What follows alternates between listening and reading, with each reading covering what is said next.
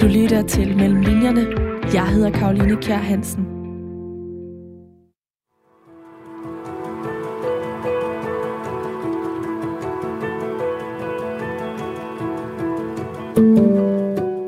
For et år siden mistede Morten Sabro sin bror.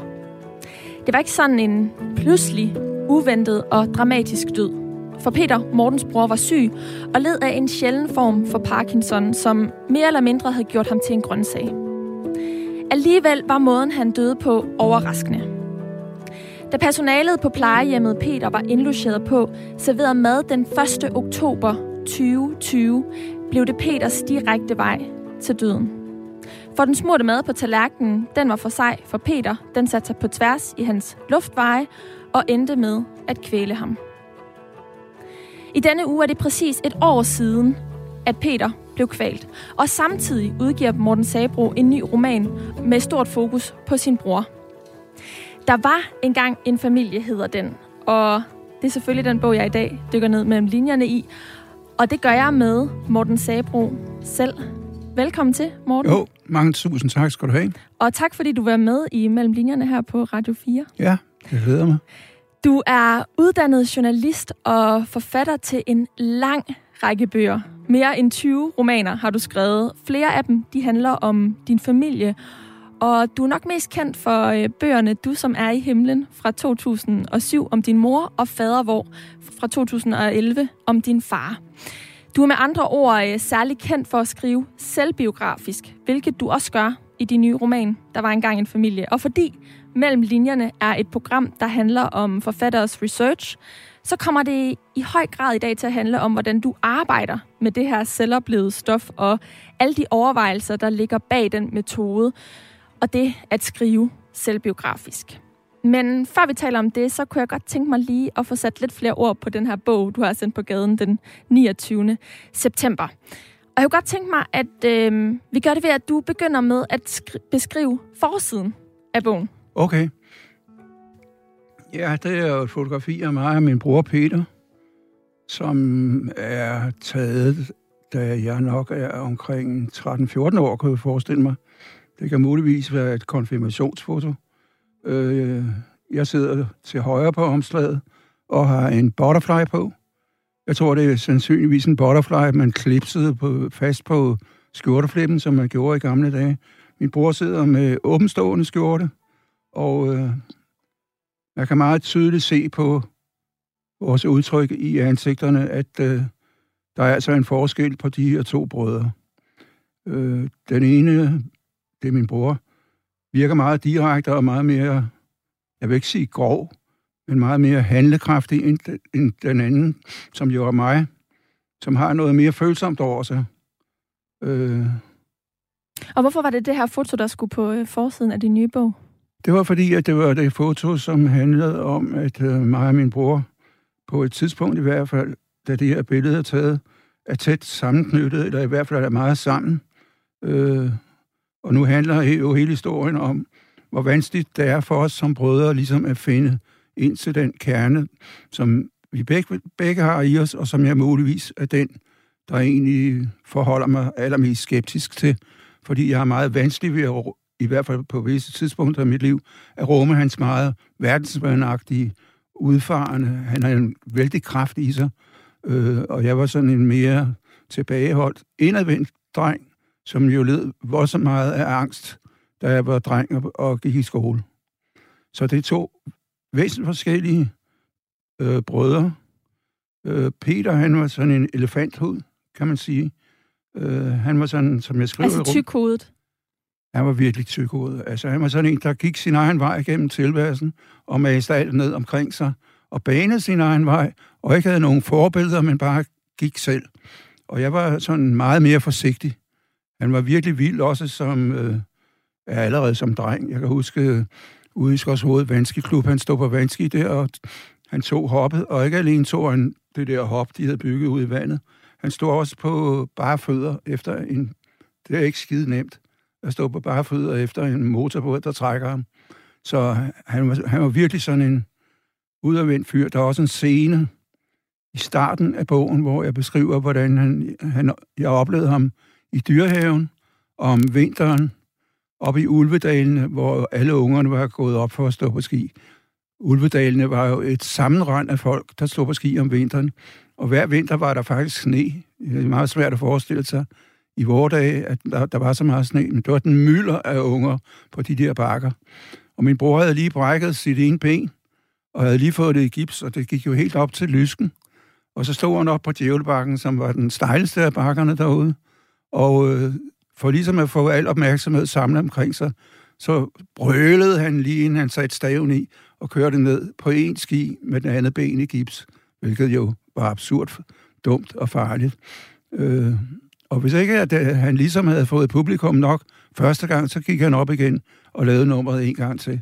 Og jeg sådan står nede i, i dag nede på jorden under djævlebakken og kigger op og tænker, hvor herre bevar mig vel, jeg vender ryggen til, så går jeg et andet sted ind. Fordi det kan jeg ikke lige finde ud af, det der med den gut, der han er min bror. Sådan, sådan var det. Peter Sabro var kun halvandet år ældre end dig, så det var lige før, at I var jævnaldrende. Alligevel så siger du det her med, at I er meget forskellige, og de forskelligheder bliver også udfoldet i romanen, og på et tidspunkt så beskriver du jeres relation så tynd som en sytråd. Mm. Men udover at relationen øhm, er centrum for bogen, så er der jo også hele Peters livshistorie, som du ja. udfolder både ved at se tilbage og, og så beskriver, hvordan han er, før han ender sine dage, fordi han bliver meget syg. Øhm, så du springer meget i tid. Og den her livshistorie, Peter har, synes jeg er ret vild. Jeg tror allerede, man som lytter har fået lidt en fornemmelse af, hvem Peter var som væsen. Mm. Øh, den her vildskab, han havde. Men mm. vil du ikke lige prøve at sætte lidt ekstra ord på, hvordan Peters livshistorie er? Øh, det, man kan sige om ham og jeg, det er, at vi, som jeg har skrevet i nogle af de tidligere bøger, er nok af de mest forkælede unger, der vokser op i Klampenborg, og, øh, og det siger ikke så lidt, fordi der var mange unger ude i Klampenborg, der var rigtig forkælet. Jeg kan sådan illustrere det ved at sige, at på min 18-års fødselsdag var der ikke nogen fødselsdagsgaver inde på morgenbordet, og jeg kigger mig omkring, og så kommer mine forældre ind, og så siger de, jamen, gå ned gennem haven og kig ned på vejen. Og jeg gik ned gennem haven og kiggede ned på vejen, og der holdt to splinter nye vores maskotter. En grød, rød og en flaskegrøn. Og øh, min reaktion var, at jeg blev skidehammerende sur og fornærmet over, at jeg ikke havde fået en sportsvogn. så jeg lever i nogle måneder der og bliver ved med at være sur og fornærmet. Så ender der jo med efter et halvt års tid, at de bøjer sig og, og giver mig en, en sportsvogn. Godt nok ikke en af de allerfedeste, men det var det, der hed en Trump Spitfire. Øh, og når du har et barn, der reagerer på den måde, så er der jo et eller andet helt galt. Og da jeg flytter hjemmefra, skal flytte hjem fra rækkehuset i Klampenborg, øh, så sørger min mor for, at jeg får en lejlighed i Korsørgade, en netop nyindrettet og nyoprettet, øh, hvad kan man kalde den, ungkælehybel i to etager. Øh, og den får jeg forærende, og den betaler de huslejen på. Og da jeg ikke vil bo der mere i Korsørgade og vil tilbage til Klampenborg-området, så får jeg et hus i Hoved, fordi nu havde min bror brugt så mange penge på sine erhvervsmæssige eventyr, eller hvad fanden han havde gang i, at nu skulle regnskabet gå op, så jeg fik et hus til flere millioner kroner. Så det er jo ligesom, det er på grund af den forkælelse, at mit store opbrud begynder, og den forkælelse rammer jo overhovedet ikke min bror. Han synes, det er da det naturligste i verden. Jeg er Vi skal måske lige tilføje, at dine forældre bestyrede Cirkusrevyen på, øh, på Bakken, nord for København. Ja, i 1956 bliver min far direktør derude. Han øh, var journalist øh, på politikken, og han havde nogle radioudsendelser, som var vanvittigt øh, populære, som hed Frikvarter med en gyldenblonde, hvor han i et kvarters tid fortalte nogle vidtigheder, som man tænkte, hvor herre bevar mig vel. Det er ikke min generation, han taler til. Men øh, han var vanvittigt populær, og han havde den der drøm om, at fordi han havde været ude og anmelde revyen mange gange, han havde den drøm, at det ville simpelthen være hans livsværk at blive direktør i den revy. Og det, det blev han jo så, og lavede nogle fabelagtige revyer hen ad vejen. Men min bror, han, han har jo ikke nogen... Jeg ved sgu ikke, hvorfor jeg har den her antipati mod at blive så skide forkælet. Men øh, jeg kunne jo mærke, at der var et problem, fordi jeg havde det simpelthen sådan på et tidspunkt, hvor jeg faktisk er kommet op i 20'erne, hvor jeg tænker, jamen, kan jeg for helvede overhovedet klare mig selv? Øh, Jeg har ikke fået andet end alting for ærende. Øh, jeg er i stand til overhovedet at tjene mine egne penge. Kan jeg tjene nok til, at jeg kan skaffe mig min egen lejlighed? Det vidste jeg ikke. Og øh, det er jo så det, at mit store, store opgør begynder, især med min mor. Øh, min bror, han havde ikke brug for noget opgør med nogen overhovedet. Han synes, at den måde, han blev forkælet på og fik penge af mine forældre på, det var sådan, som det skulle være. Og han bruger dem jo på nogle sjove måder. Han bliver jo blandt andet for en, en uh, forretning inde i Royal Hotel, øh, som øh, Arne Jacobsen havde bygget og designet. Og der begynder han at sælge islandske sweater. Og der kommer amerikanske turister. Det er mylder med amerikanske turister i den butik. Og det går jo strygende. Og de betaler, og de, han pakker, pakker de der trøjer ind, som det jo så er. Og der sker så bare det, at de bliver aldrig sendt til USA. Jeg ved ikke. Han står det meste af tiden i sin forretning og rafler med nogle af de gutter, han kender fra et ene diskotek inde i København, der hed Badstudstræde 10, som var det mest hippe dengang. Så han er fuldstændig ligeglad med den butik, og den ender med så selvfølgelig at gå nedenom og hjem. Så bliver han modefotograf. Han er enormt foretagsom.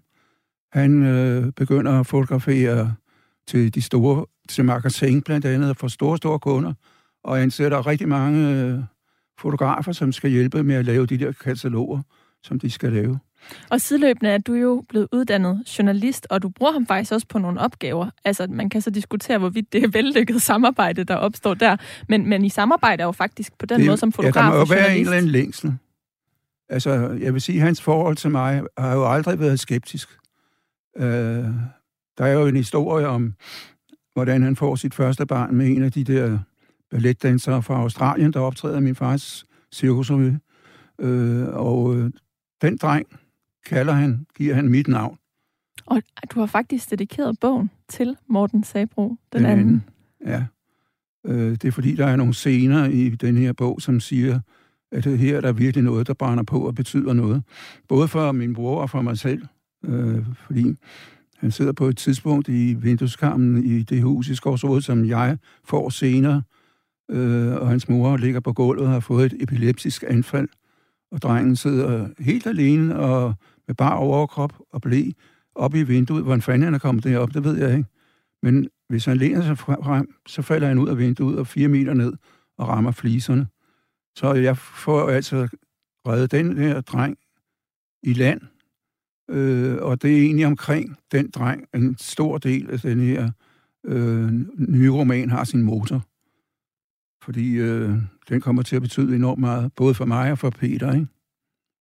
Øh, men du siger, at han ikke havde... Øhm, han havde ikke noget skeptisk over for nej, mig. Nej, over for dig. Fordi... Men du havde jo til synlædende noget, og det ender også med, at I i mange år ikke taler sammen. Du har, havde ham heller ikke med til dit øh, seneste bryllup, eksempelvis. Hvad skyldes dine følelser over for ham, øh, som jo ikke just er, er positive? Det var de jo også, men de kunne ikke rigtig komme til udtryk. De var jo altså også positive. Jeg kunne ikke rumme ham. Han larmede for meget. Han kom jo vaden ind ad døren og tog øh, tingene i besiddelse. Øh, han støjede, altså, og det, jeg ved sgu ikke. Jeg, kan mig følsom, eller hvad fanden, jeg ved, jeg ved ikke hvad. Jeg kunne bare ikke rumme ham. Øh, og det var vel egentlig det store problem imellem ham og mig. Fordi jeg, jeg ved jo, at han holdt enormt meget af mig. Jeg tror det at han beundrede mig for det, for det, jeg lavede som journalist. Øh. Faktisk så, så tilgiver, i hvert fald sådan læser jeg det i bogen, tilgiver han dig for, at du har sex med hans daværende kæreste i ret unge i 1966. Så møder du hans, øh, hans kæreste nede i kælderen. Det er Prøv lige at fortælle Men den historie. det er jo roman. Man kan ikke regne med alt, hvad der foregår i den her Okay, roman. okay. Jamen, det kan vi vende tilbage til senere, men det er også ja. en anekdote, at øh, altså, der kan man jo argumentere for, at du går over stregen, men han ender med på trods af det at, at, at opkalde sin søn efter dig.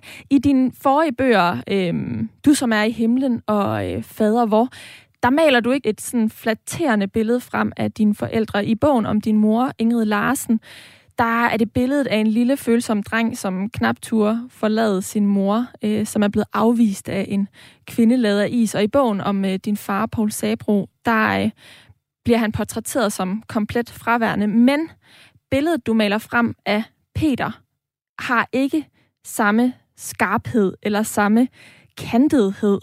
Øhm, hvordan vil du selv beskrive det billede, som du maler frem af Peter? Øh, jeg skulle jo et eller andet sted, nu vil jeg kende rejse ham, ikke? Jeg havde den der fornemmelse, fordi jeg var selvfølgelig ked af, at han døde på den der voldsomme måde. Øh, jeg havde den der fornemmelse af, at der mangler simpelthen noget i hans som min historie. Og det, der manglede, det kunne ikke finde sted i det forhold, vi havde i virkeligheden. Men det kunne finde sted i litteraturen, eller kald det, hvad du vil. Jeg bygger jo, synes jeg selv, en slags... Han, han er jo lige op, nok opkaldt efter sin bedstefar, som var Peter Sabro, folketingsmedlem, og som blev berømt for at tage ud og frelse og redde misrygtede børn på landet. Og som der står en statue af i Aarhus. Og øh, nu fik jeg den her trang til ligesom at rejse en statue af min bror, på, bare på en noget mere mangesidig måde end, end en, en, en, en almindelig statue, som jo kun har en side. Øh, og det synes jeg lykkes rigtig godt. Jeg synes faktisk, det er en... Det er sjældent, jeg siger sådan noget om det, jeg selv skriver, men øh, jeg faktisk synes, at det er en enorm stor kærlighedserklæring. Øh, jeg, vil, jeg ved, jeg ved ikke, men altså, jeg kunne forestille mig, at hans børn i dag vil tænke, hvad fanden taler han egentlig om ham, Morten? Det, det er ikke den mand, vi kender.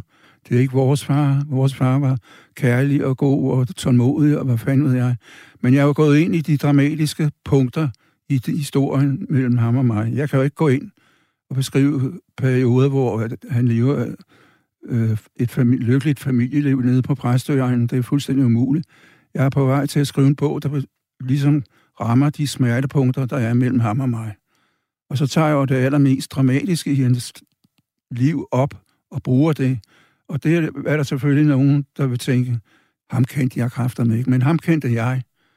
Øh, den person, jeg har med skrevet frem i den her bog, ham kender jeg skidehammerende godt, og jeg kan enormt godt lide ham. Jeg kan også godt forstå, at øh, mm, vi havde vores problemer.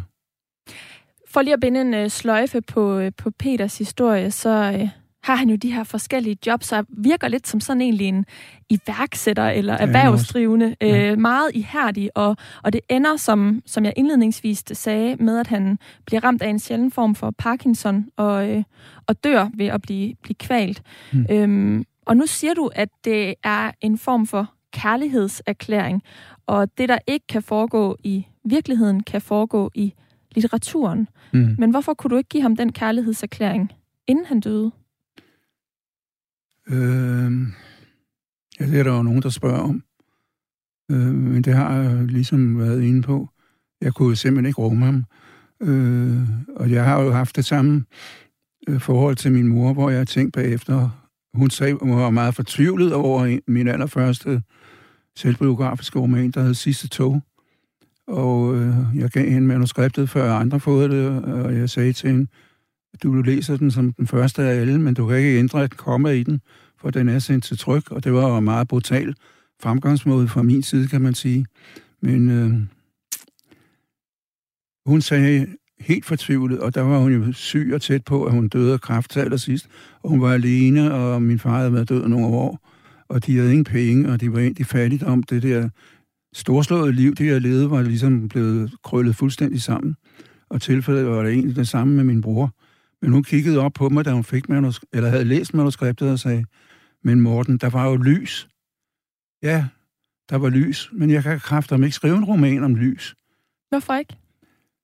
Fordi, den har, fordi det, øh, jeg skriver om nogle punkter, som jeg muligvis litterært eller skriftligt øh, selv vil sætte mig for at løse på en eller anden måde, som ikke kunne løses i det virkelige liv. Øh, nej, det vil jeg, ikke, jeg vil ikke kunne skrive sådan en roman. Den vil ikke rigtig sige mig noget. Øh, jeg, jeg vil ind i det dramatiske stof, fordi det er der, jeg ser de store brudflader, øh, også mellem min bror og mig, og min mor og mig. Øh, det, de minder jo lidt om hinanden, øh, begge tilfælde. Man kan så sige, at jeg er venligere over for min bror, end jeg var over for min mor. Jeg er også kærlig, og jeg synes simpelthen, at det her portræt øh, er skide hammerende flot, og jeg ved, at hvis han havde levet, så ville han strække armene op i vejret og vende sig ud mod et publikum, der muligvis ikke sad der, Men han ville være ude af sig selv af, af glæde og stolthed. Øh, Men fortryder du, at han ikke nåede at læse det? men han ville aldrig læse en bog af mig. jeg optrådte jo med øh, Du, som er i himlen, inde i politikens, politikken live i noget, der hedder Pressen, sammen med Johannes Møllehave. Det er faktisk en scene i bogen. Skal vi ikke næsten høre den, fordi den er ret... Øh, den, den rører Den er- mig. Den, den rørte mig ret meget. Da, ja, det er på side 90. Skal jeg finde det? Ja. Men så skal jeg lige have nogle briller at læse med. Der var ikke noget ritual for hverken min far eller min bror, da de døde. Jeg tænkte på min fars far, Peter Sabro. Der kom 60.000 til hans begravelse i Aarhus. Det var det, der var sket. Der var ingen familie. Den, der havde været, havde opløst sig selv. Der var sket en bevægelse væk fra det sociale, det omsorgsfulde og det barmhjertige til det egoistiske. Sandt nok var der en del egoisme og fornemmelse for showbiz i min farfars måde at vække opsigt og opmærksomhed på. Men der var også en omsorg og medmenneskelighed, som glimtede ved deres fravær i først hans sønner, den gyldenblonde, og hans bror, bror Brille, og senere hans børnebørn, Peter og Morten. Jeg skrev det i Du, som er i himlen. Jeg blev mindet om det, da jeg sad på scenen i pressen ved Johannes Møllehave, der havde læst bogen fra ende til anden og sat mærker ved de afsnit, han ville have mig til at læse op. Han rakte mig bogen. Jeg skimmede afsnittet, inden jeg begyndte at læse. Så vendte jeg mig mod Johannes. Det kan jeg ikke læse op, det der. Min bror sidder lige dernede på første række. Læs, sagde Johannes. Jeg protesterede. Læs, sagde han igen. Jeg læste. Mens jeg læste, voksede min brors skygge. Min bror var en fremmed, mere fremmed end mig. Det var ubegribeligt, at den gyldenblonde var hans far. Han blev døbt Peter efter sin farfar. Det var nøjagtigt lige så ubegribeligt, ubegribeligt, at han var barnebarn af Peter Sabro. Det eneste, han havde arvet fra sin far, var det sentimentale hjerte. Fra vores farfar havde han ikke arvet så meget som et gram af den sociale retfærdighedsfølelse eller det flammende temperament. Det var ikke kun elefantens hårde hud, han havde fået. Det var også dens bløde hjerte. Han behøvede ikke en sentimental film for at græde. Han kunne så let som ingenting græde i virkeligheden. Det var hjerteskærende at se, hvordan han, der havde levet sit liv i en helt anden verden end den, han kom fra, kunne begynde at tude, bare nogen mindede ham om, at han var en del af en familie. Jeg turde ikke se op for bogen. Folk begyndte at klappe. Jeg kunne mærke på Johannes, at han var rigtig godt tilfreds med at have fået mig til at læse det, og det, mens min bror sad på første række. Der var en, der var mere tilfreds end Møllehave. Jeg løftede blikket og så ned på min bror. Han havde vendt ryggen til scenen og stod med udstrakte arme og modtog publikums jubel. Det var ham, afsnittet handlede om. Han havde aldrig selv læst det, men for fanden, publikum klappede af ham. Han ville skide dansk litteratur og al litteratur i verden en lang march. Men det hans lillebror lige havde læst højt, det var kraftedme godt, for det handlede om ham, Peter den Store, som retteligt burde have heddet Peter den Største. Tak, Morten Sabro. Hvad er det, den her øhm, situation illustrerer i øh, forhold til jeres forhold? Den illustrerer, at der sidder en lillebror, som har skrevet nogle linjer om sin bror, som øh, han ikke havde forventet, at han nogensinde ville komme til at læse. Og nu skal de så læses op for et publikum på omkring 300-400 mennesker. Øh, og det er jo ligesom at være en form for stikker øh, at udlevere sin bror på den måde. Og så viser det sig, at den her bror, han er fuldstændig ligeglad med, hvad der står på linjerne. Det eneste, han fornemmer, er, det handler om ham. Og han er altså lige midt i verdens centrum, mens det bliver læst op. Øh, der var jo det i min familie der. Altså, hverken min bror, min mor eller min far læste skønlitteratur. Der fandtes ikke en eneste roman i vores hus. Jeg begynder først at læse skønlitteratur, da jeg var over 20 og sådan noget, men øh, der var jo ingen af dem, der sy- synes, at det der liv, litterære liv, havde nogen som helst øh, mening i forhold til den, den måde, de selv levede på. Øh, jeg vil jo ovenikøbet sige det sådan, at for ligesom at illustrere, hvordan forholdet mellem min mor og mig egentlig udviklede sig, så siger hun på et tidspunkt, da jeg, siger, eller da jeg skriver min første roman, det værste i verden, der findes, det er simpelthen en forfatter. En forfatter er ligesom Claus Riffbjerg. Han sætter sig på en potte, så trykker han i tarmene, og når han er færdig, så rejser han sig op og vender sig om og kigger ned i potten, og det er det, han skriver om. Og det er jo en kvinde med en meget stor øh, foragt, vil jeg nærmest sige, for forfattergærningen og forfatterlivet. Hun var helt på det rene med, at det var fedt for mig at øh, være journalist, fordi det havde hendes egen mand været, så der førte jeg ligesom øh, traditionen videre. Men ellers synes hun nok, at det var noget af det værste i verden. Det var at have en forfatter i familien. Og det endte jo på en måde også sådan. Fordi hun kunne jo ikke læse øh, den første roman, selvbiografisk roman, sidste tog. Hun læste den ligesom fanden læser Bibelen. Og det er jo, Hvad vil det sige? Det vil sige, at øh, på, øh, man, læser det ligesom med en troldsplint i øjet. Man kan ikke se egentlig, hvad der står på linjerne, men det kolliderer med den virkelighedsopfattelse, de har kolliderer med den opfattelse, som står i litteraturen, og det er et gevaldigt sammenstød. Øh, den første øh, selvbiografiske roman, jeg udgav, den diskuterede jeg jo en del med min daværende redaktør på Gyldendal, Johannes Ries, og med min øh, daværende kone, og begge to sagde, at der er overhovedet ikke tale om nogen form for overgreb på din mor. Tværtimod, så er det en kærlighedserklæring. Men den kunne hun ikke læse, og det vidste jeg egentlig godt. Fordi jeg vidste jo godt, at hendes forhold til litteratur var aggressivt og fordomsfuldt. Jeg vidste udmærket, at når hun fik den bog i hænderne, eller mit manus i hænderne, så ville hun blive ude af sig selv af raseri og forfærdelse. Øh, men min bror, han, han, han ville være fuldstændig ligeglad. Men en ting er jo at give en kærlighedserklæring, som du siger, det her kan betragtes som til din bror i form af en bog. En anden ting er at levere den mundtligt, sætte ord på det i en samtale. Hvorfor gjorde du ikke det, inden han døde, når du nu øh, havde et behov for det til synlædende? Jamen, jeg kunne ikke lade sig gøre. Altså... Hvorfor ikke? Der var for store modsætninger. Altså, hvis han var i levelig live og stod over for mig, så ville det jo være samme historie, som, som jeg har skitseret, at han følte for meget, han trumlede noget i mig ned. Jeg ville ikke kunne holde det ud. Øh, vi, vi, vi, vi kunne nogle ting sammen, men det var, det var ligesom også det, jeg forsøger at illustrere eller for, forklare i nogle af de scener, der er i bogen, hvor vi går ud på nogle opgaver sammen.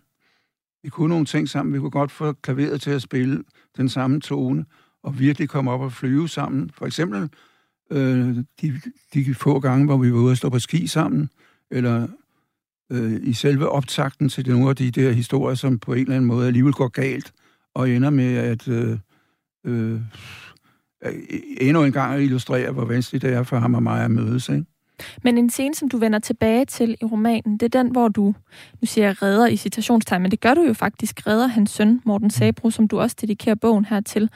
Øhm, den scene optræder igen og igen i romanen, og jeg læser den som, øhm, at du er, er kærlighed til, til din bror, altså, øhm, men, men at du ikke kan, altså, ikke kan udtrykke den, eller at den ligger gemt under overfladen hele tiden. Hvorfor kunne du ikke sætte ord på den til ham? Fordi når jeg stod over for ham, så vældede alle de der forsvarsmekanismer op i mig. Altså, øh, jeg skulle for helvede beskytte et eller andet i mig selv, som ikke holdt ud, blev trampet ned. Øh, Fortryder du, at du havde det sådan? Fortryder jeg? Øh, det var sådan, det var. Det er jo ikke, vi lever ikke i, i, i en virkelighed, der er fuld af kærlighed. Vi lever i en virkelighed, der er fuld af konflikter. Og øh, sådan er det. Og Hvad det, mener du med det, at verden er fuld af konflikter og ikke kærlighed? mener med, at jeg er jo nok ikke den eneste øh, søn i en familie, der er uklar med en... Med, og jeg er nok ikke den eneste søn øh, i en familie, der har en fraværende far. Øh, jeg er nok ikke den eneste søn på jorden, som har en mor, jeg stået sammen med. Muligvis fordi vi, vi, vi ligner hinanden for meget. Øh. Jeg kunne godt tænke mig lige at læse et par, par sætninger højt. Ja. Det er øh, fra side 133, øh, der skriver du, jeg stak dynamitstangen op i røven på min familie og begyndte et uforsonligt opgør med den. Og nu spørger jeg, hvorfor gjorde jeg det? Var det giften fra forkælelsen, der vendte sig mod dem, der havde delt ud af den? Hvorfor fremhævede jeg mig selv i forhold til dem? Hvorfor følte jeg mig bedre end dem? Hvorfor skulle jeg støde dem væk, som var de lavet af et ringere materiale? Og hvorfor skulle det udbasoneres til den store offentlighed? Hvorfor kom den hævnlyst og selvretfærdighed fra? Og hvorfra den dyrkelse af mig selv, som havde Guds finger peget på mig, og en stemme sagt, du er udvalgt. Når jeg vælger at læse det her højt, så er det fordi, at sideløbende med Peters livshistorie, så er der et nutidsspor, der handler om, at du skriver bogen her. Øhm, og det spor øh, kan opfattes som en form for selvrensagelse. Det synes jeg, den her, øh, altså den her øh, episode, jeg lige har læst højt, øh, eller passage, jeg lige har læst højt, illustrerer. Hvorfor pressede de her spørgsmål så på hos dig? Øhm.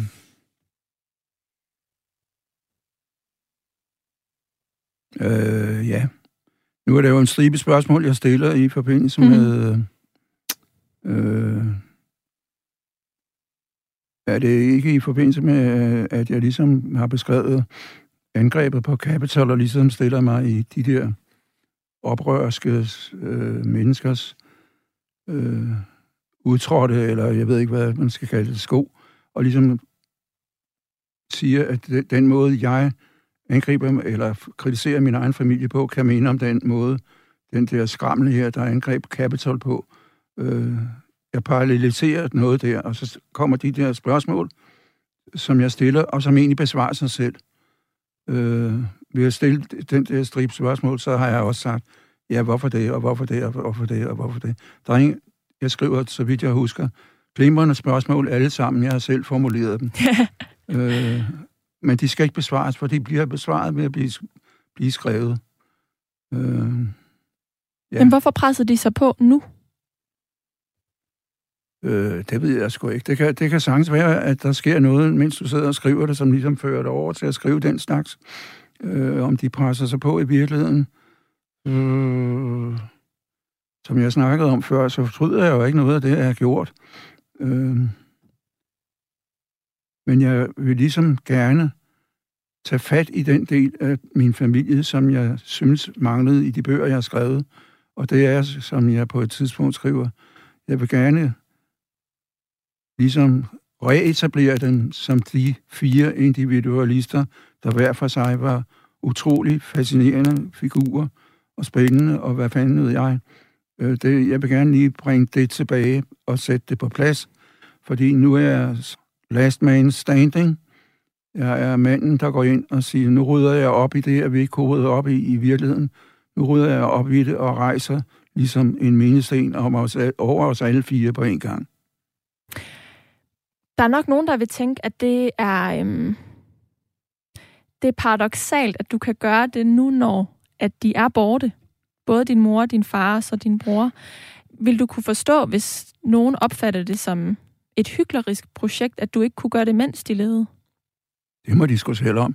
Altså, lige ud af landevejen, så kan man jo ikke, fordi øh, du kan jo ikke lige gå ind og bryde sådan nogle etablerede konflikter øh, i mennesker ned med et snuptag. De er, som de er, de var, som de var, og som kan, kan du ligesom sige, okay, øh, glimrende projekter, du gider at gå ind og beskrive, hvordan de, hvordan de også var, udover at du har brugt øh, konflikterne mellem jer som romanstof. Øh, jeg er hyklerisk, jeg ved sgu ikke, jeg er ligeglad om folk synes, jeg er hyklerisk. Det er jeg virkelig ikke. Men øh, så er det, fordi de ikke forstår at skrive formen og skrive måden. Øh, Lad os prøve at tale lidt mere om, øh, om den nu.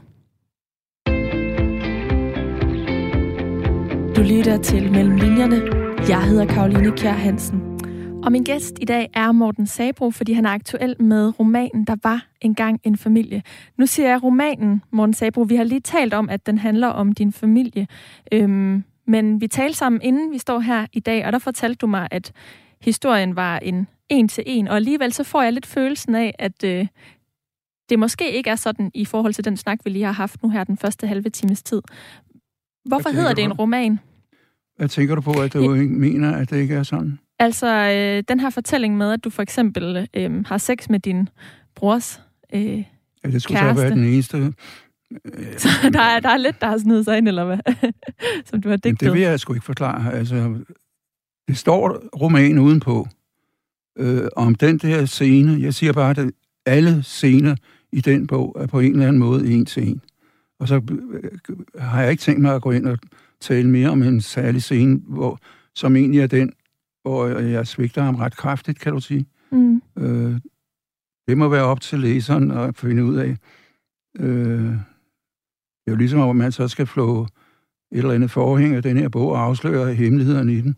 Der er øh, sådan set ikke rigtig nogen hemmeligheder i den andet end, at så at sige, alle episoder i den bog er taget fra den virkelige verden, og så er de muligvis nogle steder drejet lidt ud på grund af sproget og skriften og ideen med den roman, jeg vil skrive. Du har kun fået hjælp eller været i kontakt med en person øh, i forbindelse med romanen her, og det er Barbara Jago Nygaard. Hun optræder, fordi at øh, hun er søster til din brors første kone, og, øh, og der er nogle brækker, du ligesom skal, nogle huller, du skal have fyldt ud. Ja, for jeg ikke kunne huske den. Ja, men alt andet, det er skrevet ud fra din egen erindring. Ja, det er det. Altså, der er ikke nogen, jeg har ikke researchet på den måde. Jeg har ikke ringet rundt til folk. Ja, det kunne jeg jo godt have gjort. Jeg kunne have ringet rundt til den øh, kvinde. Han, jeg kunne ringe til den kvinde, som ligesom bliver den nye kvinde i hans liv, efter at øh, hende balletdanseren er rejst tilbage til Australien med deres fælles søn. Øh, men det, det er ikke sådan, jeg arbejder. Så hvordan arbejder du? Vil du ikke sætte lidt flere ord på det? Øh, det kan jo være svært at vide, hvordan man egentlig arbejder. Jeg siger bare, at øh, hvis du er i gang med en bog, så handler det om at skrive en bog. Du skal, øh, som du synes skal være en rigtig fed bog, for at sige ud af landvejen. Ikke?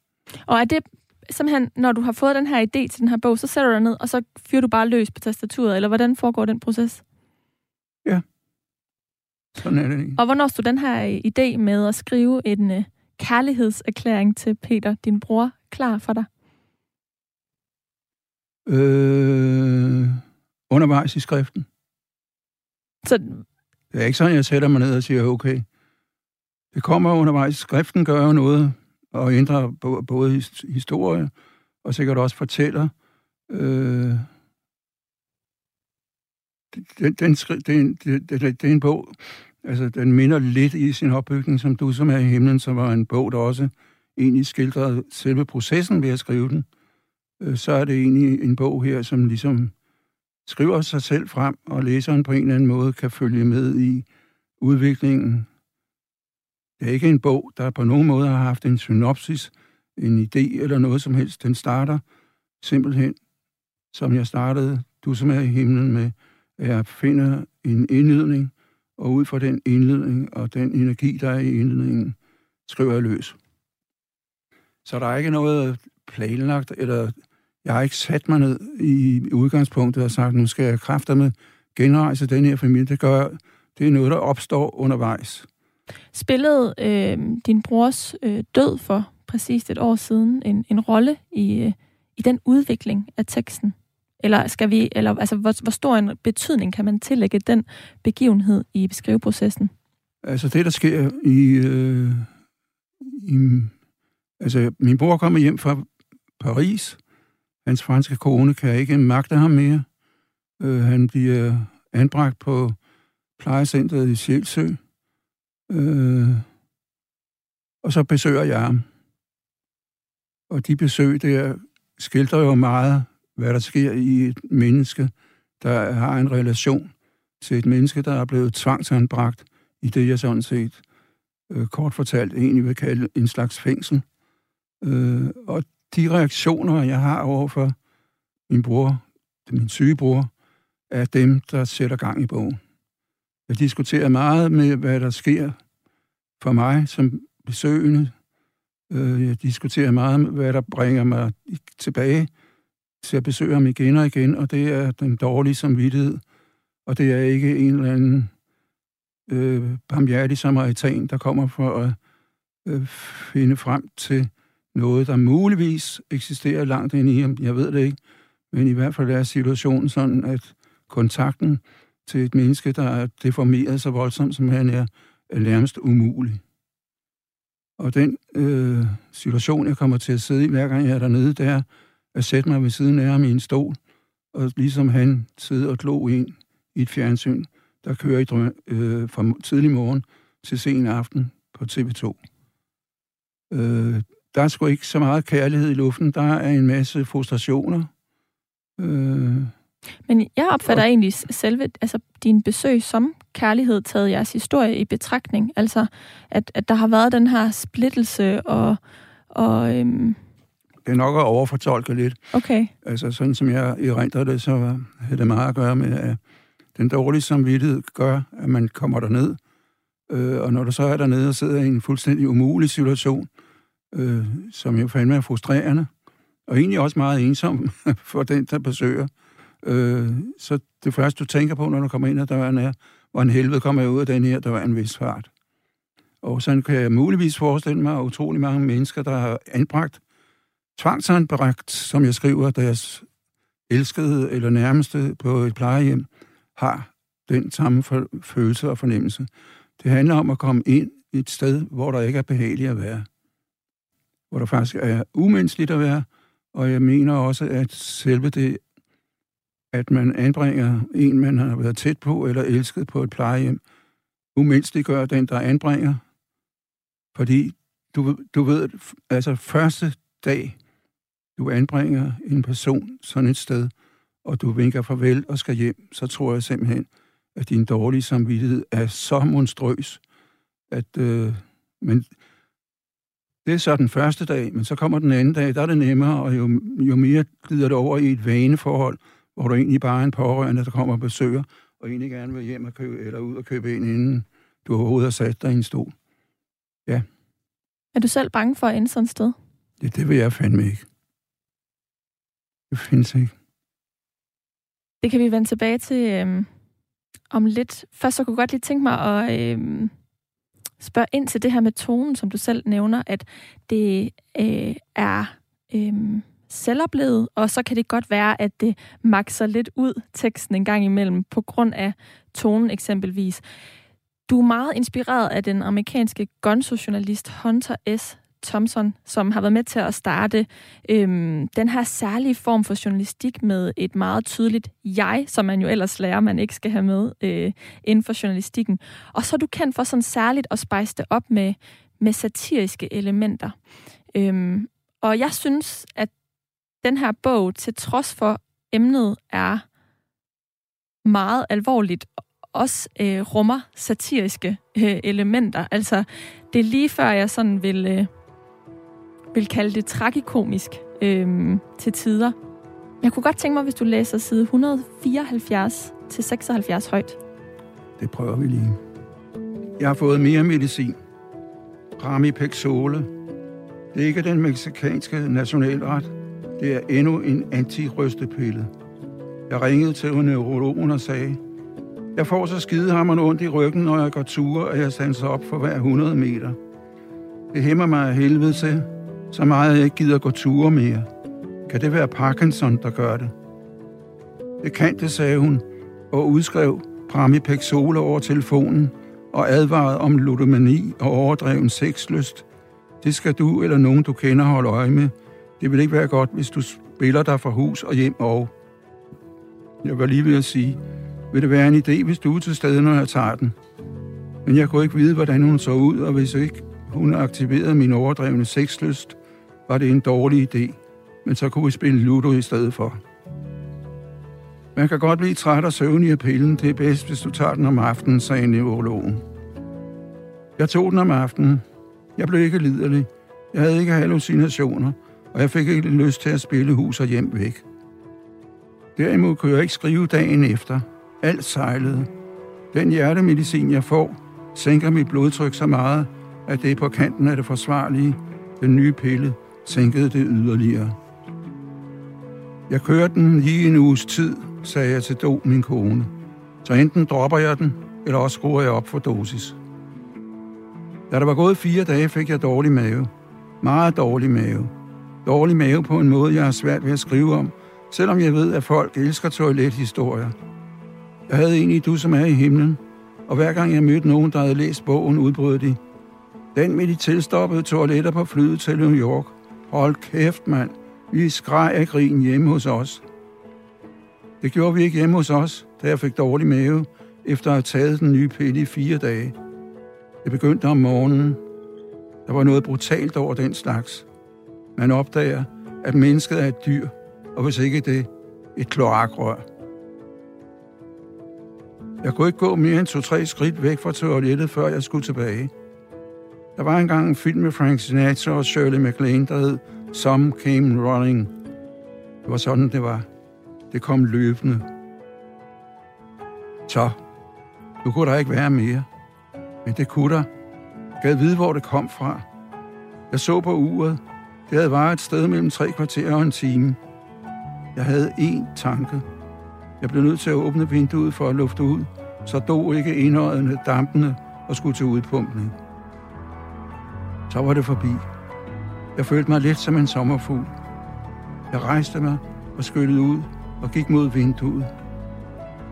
Tre skridt, så var jeg tilbage på sædet. Samme sted. Elvis var afgået ved døden. Jeg forsøgte mig med nogle vejrtrækningsøvelser. Det endte med, at jeg hyperventilerede og ikke kunne få luft. Jeg tog min puls. 120. Jeg var et af de hårdest belastede mennesker i kongeriget. Jeg kunne ikke engang ringe efter en ambulance. Telefonen lå inde i stuen. Pludselig gik der et ja gennem mig. Var døren låst? Åh oh, Gud, hvis den ikke var, og dog pludselig åbnede den. Åh, et nyt og grimt samliv skulle ville begynde. Hver gang jeg gik ud på badeværelset, ville Do se på mig, som om jeg var steget op fra en tilstoppet kloak i helvede. Tak, Morten Sabro. Hold da om. Er det... Men det er også taget fra den virkelige virkelighed. Ja.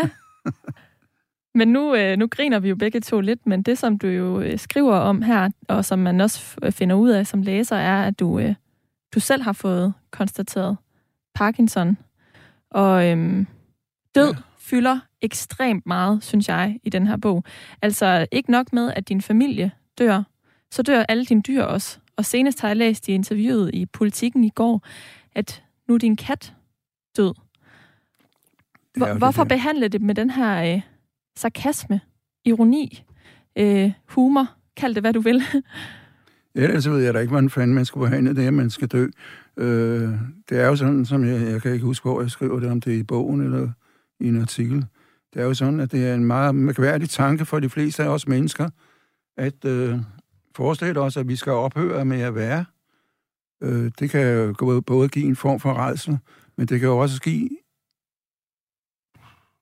nogle eftertanker, som jeg, jeg vil næsten tro, at man bliver nødt til at foretage sig noget enten religiøst eller noget spirituelt, for ligesom at acceptere den her død, som øh, vi jo har et enormt distant forhold til i vores kultur.